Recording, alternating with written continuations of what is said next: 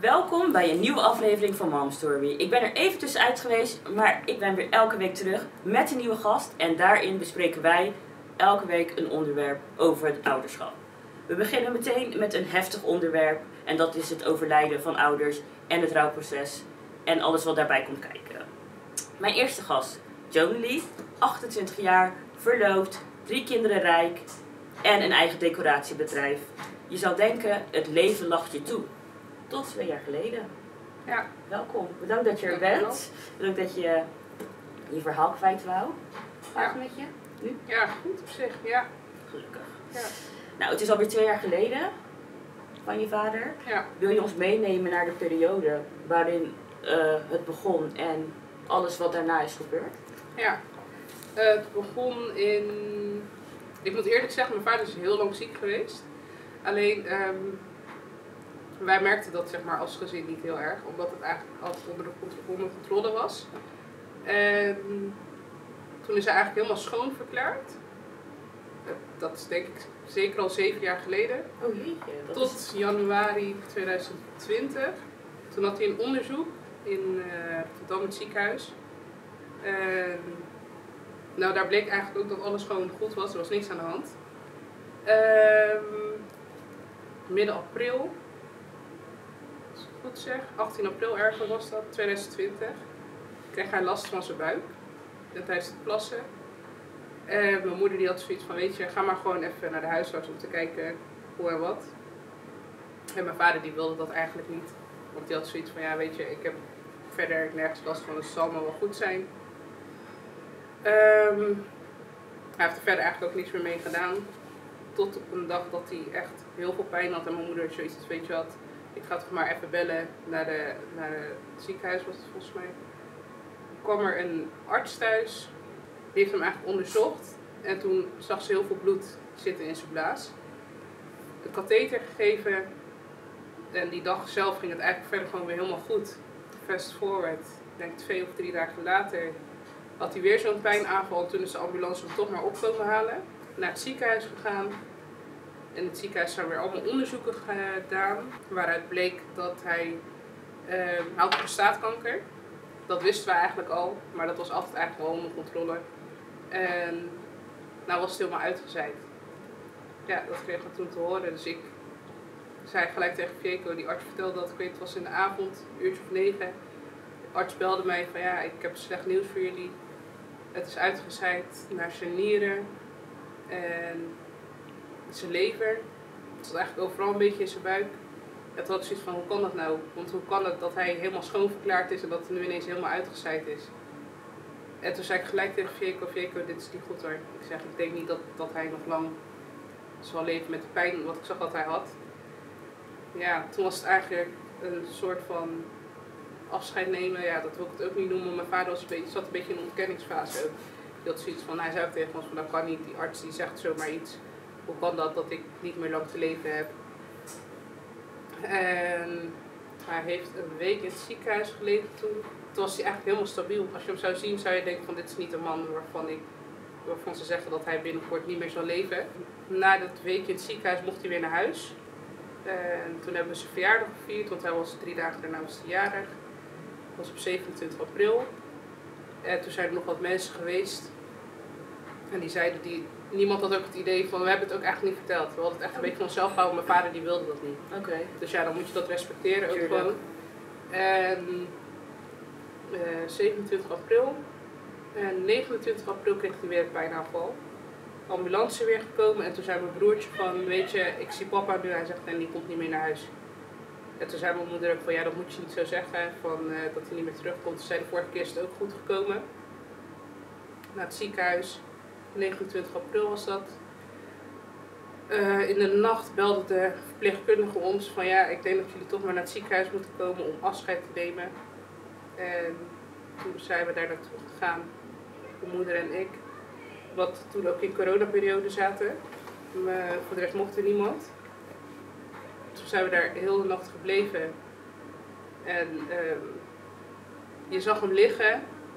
En ik zag hem slapen en toen dacht ik van ja, ik zei tegen mijn moeder, ik weet het niet, maar ik denk niet dat, dat, dat hij de ochtend gaat halen. wonder boven wonder heeft hij toch de ochtend gehaald. En hij werd gewoon helemaal fris en fruitig weer wakker. Heel gek. En toen zei hij ook tegen ons van ja, gaan jullie maar gewoon naar huis. Hij zegt, jullie hoeven niet te blijven. Dat gaat allemaal prima. Zijn we toch even gebleven. Naar huis gegaan. Toen zijn mijn nicht uit Rotterdam zijn nog gekomen. En toen hebben we een soort van raambezoek gehad met z'n allen. Iedereen heeft hem toen nog gezien. Dezelfde avond nog moesten we toch weer terug naar het ziekenhuis. En toen ehm, kwamen we daar. Toen zei hij tegen ons, wat komen jullie doen? Het gaat gewoon prima met mij. Ehm, hij heeft gegeten, hij heeft gewoon zijn ding gedaan. Toen zijn we toch maar weer naar huis gegaan. Omdat hij, we hadden zoiets van, ja, hij zit er prima, prima bij. Twee uur daarna werden we toch weer teruggebeld. Van, ja, jullie moeten toch maar gewoon echt komen. En toen heb ik ook gezegd, weet je wat, we gaan en we blijven maar gewoon. Ja. En daar begon het eigenlijk een beetje, toen zag je hem een beetje afzwakken en weer pijnaanvallen krijgen. En het was echt heftig om aan te zien. Echt heel heftig. Uh, mijn broertje en mijn zusje gebeld van ja weet je, komen jullie maar gewoon. Want we weten niet hoe lang dit nog gaat duren. Uiteindelijk heeft hij toch meer pijnmedicatie gekregen en daardoor is hij in uh, slaap geraakt. Op 1 mei is hij overleden. Dus dat was ineens heel snel gegaan. Het is allemaal twee weken tijd. Dus eigenlijk van het horen van dat het uitgezaaid is daar zat allemaal, daar zat twee weken tijd tussen eigenlijk. Jeetje. Ja, het is heel snel gegaan. Dus we hebben eigenlijk, omdat hij zeg maar een soort van ook in die ontkenningsfase staat, hebben we niet echt afscheid kunnen nemen en andere mensen afscheid van hem kunnen laten nemen, omdat hij ja, dat zelf allemaal niet wilde. En hij wilde ook niet dat wij hem zielig vonden ja, of zo. zoiets, ja. Omdat, ja, ik, ik weet wie je vader is, Ja. ik ken hem, ja, ik ken hem. Ja, En als je hem zo ziet, het is inderdaad gewoon, als je hem zo zag, sorry. ja, Het is inderdaad een hartstikke vrolijke man. ja, En eh, wat jij zegt ook, waarschijnlijk wou hij niet dat jullie hem zielig vonden. Ja. Of dat jullie medelijden met hem hadden. Maar het is wel echt heel heftig. ja, het is heel heftig. Ik, ik, heb, het, ja, ik heb het meegemaakt vanuit, ehm, ja, buiten de familie natuurlijk. En ik eh, had gehoord dat hij ziek was. En daarna dat hij overleden was. En Ja. ik dacht ook van, jeetje, dat gaat wel heel snel. Ja, Maar hoe je het nu vertelt, het is echt, het is echt een heftige ja periode. het is heel heftig, heel kort. En er kwam zoveel op ons af in een hele korte tijd. En daar had niet iedereen begrip voor ook. En, eh, dat, dat, zeg maar, dat wij dat niet allemaal deelden. Maar ja, weet je wat is? Als hij zelf aangeeft van ik, dat hoe jullie hoeven niet iedereen te gaan bellen om dit te vertellen, dan wie zijn wij om dat dan toch wel te doen? Klopt, het, is je vaders, het was Ja. je vaders wens en Ja. daar, dat hebben jullie gewoon gerespecteerd. En heel eerlijk, wat de rest ervan vindt, ja, Ja. Sorry, maar als ik in die positie zou zitten, zou ik ook gewoon eh, mijn ouders Ja. respecteren. Ehm, het is natuurlijk een heftige periode voor jullie allemaal geweest. En je hebt een dochtertje van eh, vijf, eh, bij, nee, vijf, Bijna. bijna vijf. En als ik je vlogs bekijk, het is een hartstikke slimme meid. Ja. Hoe heb je haar meegenomen in die tijd? Want het is hartstikke snel gegaan. Ja. Was het voor haar te beseffen? Of had zij zoiets van, oké, wat gebeurt hier? Nee, ze besefte het eigenlijk gek genoeg. Had ik niet verwacht dat zij het zo goed zou beseffen. Maar ze besefte echt wel wat er aan de hand was. Ik heb haar gewoon overal aan betrokken eigenlijk. Gewoon met afscheid nemen ook. We hebben dezelfde, zeg maar, de avond dat we daar met z'n allen waren, heb ik haar nog ehm, laten facetimen met mijn vader. En toen vroeg ze ook aan mij van mama, wat is er met opa dan? En toen zei ik tegen haar van ja, opa gaat naar de hemel. En toen zei ze ook van ja, gaat hij dan slapen, komt hij nooit meer terug? Toen zei ik tegen haar ja, hij gaat nu slapen en hij komt nooit meer terug. En dat, dat, dat brak mij zeg maar, omdat ik zoiets had van zij weet precies wat er nu te wachten staat. En heel gek, ik denk een week voordat mijn vader overleed was haar vis overleden. En toen zei ik tegen mijn moeder, ja, ik ga een begrafenis houden voor haar vis. En zo heb ik haar eigenlijk misschien onbewust toch een beetje voorbereid op wat, op wat er zou komen. Ja. En zij heeft mijn vader ook heel bewust meegemaakt, zeg maar. Omdat zij het eerste kleinkind was natuurlijk. Mijn vader deed heel veel met haar. En dat hoor je nu zeg maar nog steeds terug als ze aan het spelen is of iets. Ze praat ook nog steeds heel veel over mijn vader. Dus eh, ja, voor haar was het ook wel heel heftig. Ja, snap Want ik. zij was zindelijk, maar in die periode eh, ging ze weer plassen in de broek en zo.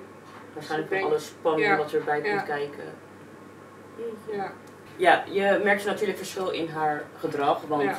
eh, ze was, was ze zindelijk of was ze zindelijk aan het worden? nee, ze was al Ze was gewoon zindelijk compleet. En merkte je ze ook verschil binnen het gezin? Want eh, jouw verloofde die ziet, haar schoon, eh, ziet sorry, zijn schoonvader Ja. natuurlijk eh, minder worden. Hij ziet zijn verloofde omgaan met emoties die je waarschijnlijk nog nooit hebt gevoeld. Nee. Want dit is een pijn, ja, dat kan je gewoon niet beschrijven. Maar wat voor, merkte je verschil in het gezin en wat voor, gezin, wat voor verschil merkte je dan? Ehm, ik moet eerlijk zeggen dat ik wel heel sterk, bij mij is zeg maar alles ehm, na de begrafenis zo pas gekomen. Ik ben in die periode, ik moest het heel veel regelen. Dus ging gewoon op automatische piloot eigenlijk. Ik heb ook, ik denk, alleen de nacht dat hij is overleden heb ik gehuild. En tot, na, tot, tot de dag van de begrafenis heb ik er eigenlijk niet meer om gehuild. En dat is niet omdat ik geen verdriet had, maar ik wilde mijn moeder en mijn broertje, mijn zusje en iedereen om ons heen de kans geven om, Om te rouwen. om te rouwen. En als oudste, zeg maar, voel je verantwoordelijk om ook gewoon de rest op te vangen. Ja, snap ik. En Jaco die heeft het zelf ook meegemaakt. Toen hij 14 of 15 was, als het goed zeg, is zijn vader ook overleden. Dus aan hem had ik ook heel veel steun, want hij wist precies Wat, wat, ik meemaakte. Ja. Dat is echt heel, ja. Ja. heel fijn is misschien een aparte Ja. woordkeuze, maar het is wel heel fijn als je een partner hebt die jou wel eh, kan steunen Ja. waar je het gewoon nodig hebt. Soms heb je ook steun van partners waarvan je denkt, ja sorry, maar. Allemaal, ik, ik snap dat het lief bedoeld is, maar hier heb ik gewoon niet heel veel aan. Nee. Ik denk dat hij het misschien in de periode wel zwaarder heeft gehad dan dat ik had, omdat hij het al een keer meegemaakt had. En hij en mijn vader echt twee handen op één buik waren. Ik denk dat ik meer voor hem een steun was dan. Dan hij voor Ja, ja. omdat hij zelf hij had echt heel veel verdriet. Dat zag je ook aan hoe hij. Hoe- Hij is nooit agressief, maar hij is in de periode niet naar mij toe of zo, maar gewoon in bepaalde dingen zag ik echt van ja. in bepaalde situaties Ja, waar, ja. waar die misschien eh, hiervoor anders had gereageerd en ja. Dat het hem waarschijnlijk ook gewoon te hoog zat. Ja, klopt. Ja, het is inderdaad, ja, wat je zegt, hij heeft het natuurlijk eerder meegemaakt. En dan probeert hij waarschijnlijk zijn leven, na, ja, na 14 jaar ga je eigenlijk door gewoon Ja. met het leven. En dan maak je het eigenlijk nog een keer mee, Ja. maar dan je schoonvader, ja, Ja. dat is heel heftig. Ja. Dat is echt heel heftig. Eh, je, je zei natuurlijk net dat eh, je dochter had meegenomen, eh, ja, mee had genomen, haar vis was overleden. Dus je hebt daar, daarop kunnen voorbereiden op een begrafenis. ja. Eh, heb je nog meer manieren gehad? Of Nee, eigenlijk niet. nee? Nee, ik heb voor de rest niks gedaan eigenlijk. En Ik had op internet eh, wel gelezen dat je een, een rouwboek hebt voor eh, Ja, kinderen. Ja. En dat de mensen op die manier hun kinderen ehm, ja, voorbereiden op de dood. Maar ook, ik heb ook gelezen, want, want jij zei net ook, je hebt het haar gewoon eigenlijk verteld. Ja. En dat is ook eigenlijk de beste manier. Je kan er wel omheen draaien. Klopt. Maar wat ik zei, je hebt een slimme meid. Die snapt het toch? Ja. Ja. die snapt het eigenlijk toch wel. Ja. Ja, en je bent nog vol bezig met het rouwen. En dan kom je er vorig jaar achter dat je zwanger bent. Ja. Ja. Wat, is het, wat was het eerste wat door jouw hoofd heen ging? Ik zou dat graag met mijn vader willen delen. Dat was het eerste wat in me opkwam. Omdat hij altijd zei van... eh, zijn kinderen waren allemaal opa worden. Dat was echt zijn ultieme droom. Ja, dat Zeg was maar. zeg maar Ja, alles waar hij eigenlijk voor leefde. klopt. En dan had hij Evie dan al. Jair en Jadian die waren toen nog net geen jaar. Ja. En mijn broertje die was toen, die waren toen in verwachting. Dus die tweede van hun die heeft hij eigenlijk ook niet. eh, hij wist wel dat ze nog een kindje kregen, omdat het een jongetje werd, maar hij heeft hem nooit Gezien. gezien. Dus toen ik zwanger was, toen vond ik dat wel moeilijk. Dat Ja? ik dat niet kon delen met hem, ja. Ja, dat snap ik wel, want het is natuurlijk gewoon ja, hartstikke leuk nieuws. Je krijgt nog een kindje. Maar tegelijkertijd zit er ook in je gedachten van, oh, dit. Ik zou eigenlijk nu meteen naar mijn vader willen Ja. toerennen om te zeggen van pap, weet je, die wordt nog een keer opa. ja.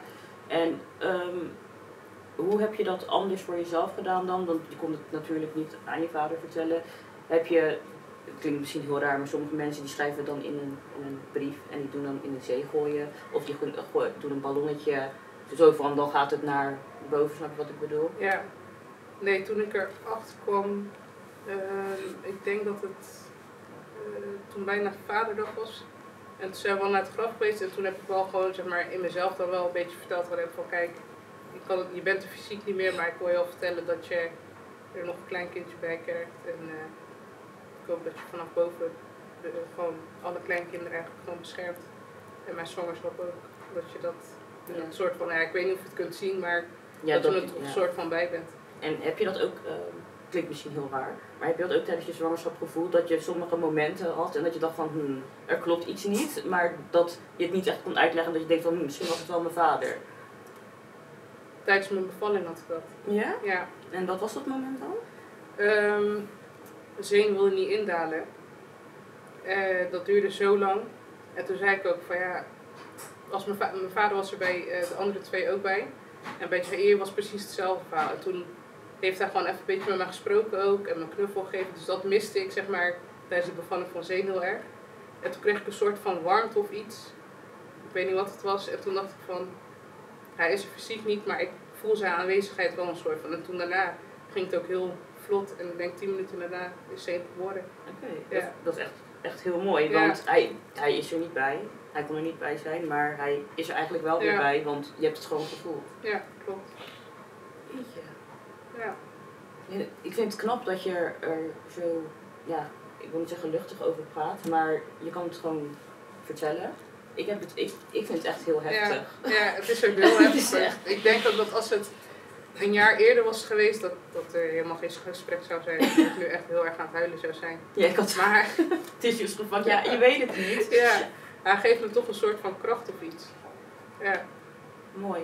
Mooi dat je, ehm, mooi dat je het over ja, het rouwen eh, zo kan omzetten in kracht en in, ehm, ik, wil zeggen, ik wil niet zeggen geluk, maar ergens denk ik ook wel. Want Ja. je hebt eh, een zoontje gekregen en die heb je ook naar hem vernoemd. ja Toch? klopt. De tweede naam Ja.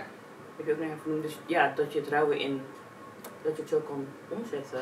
Maar je hebt natuurlijk Avery, die is eh, bijna vijf. Ja. Je hebt Jair, die is twee. En je hebt een zoontje van half, een half jaar. Ja.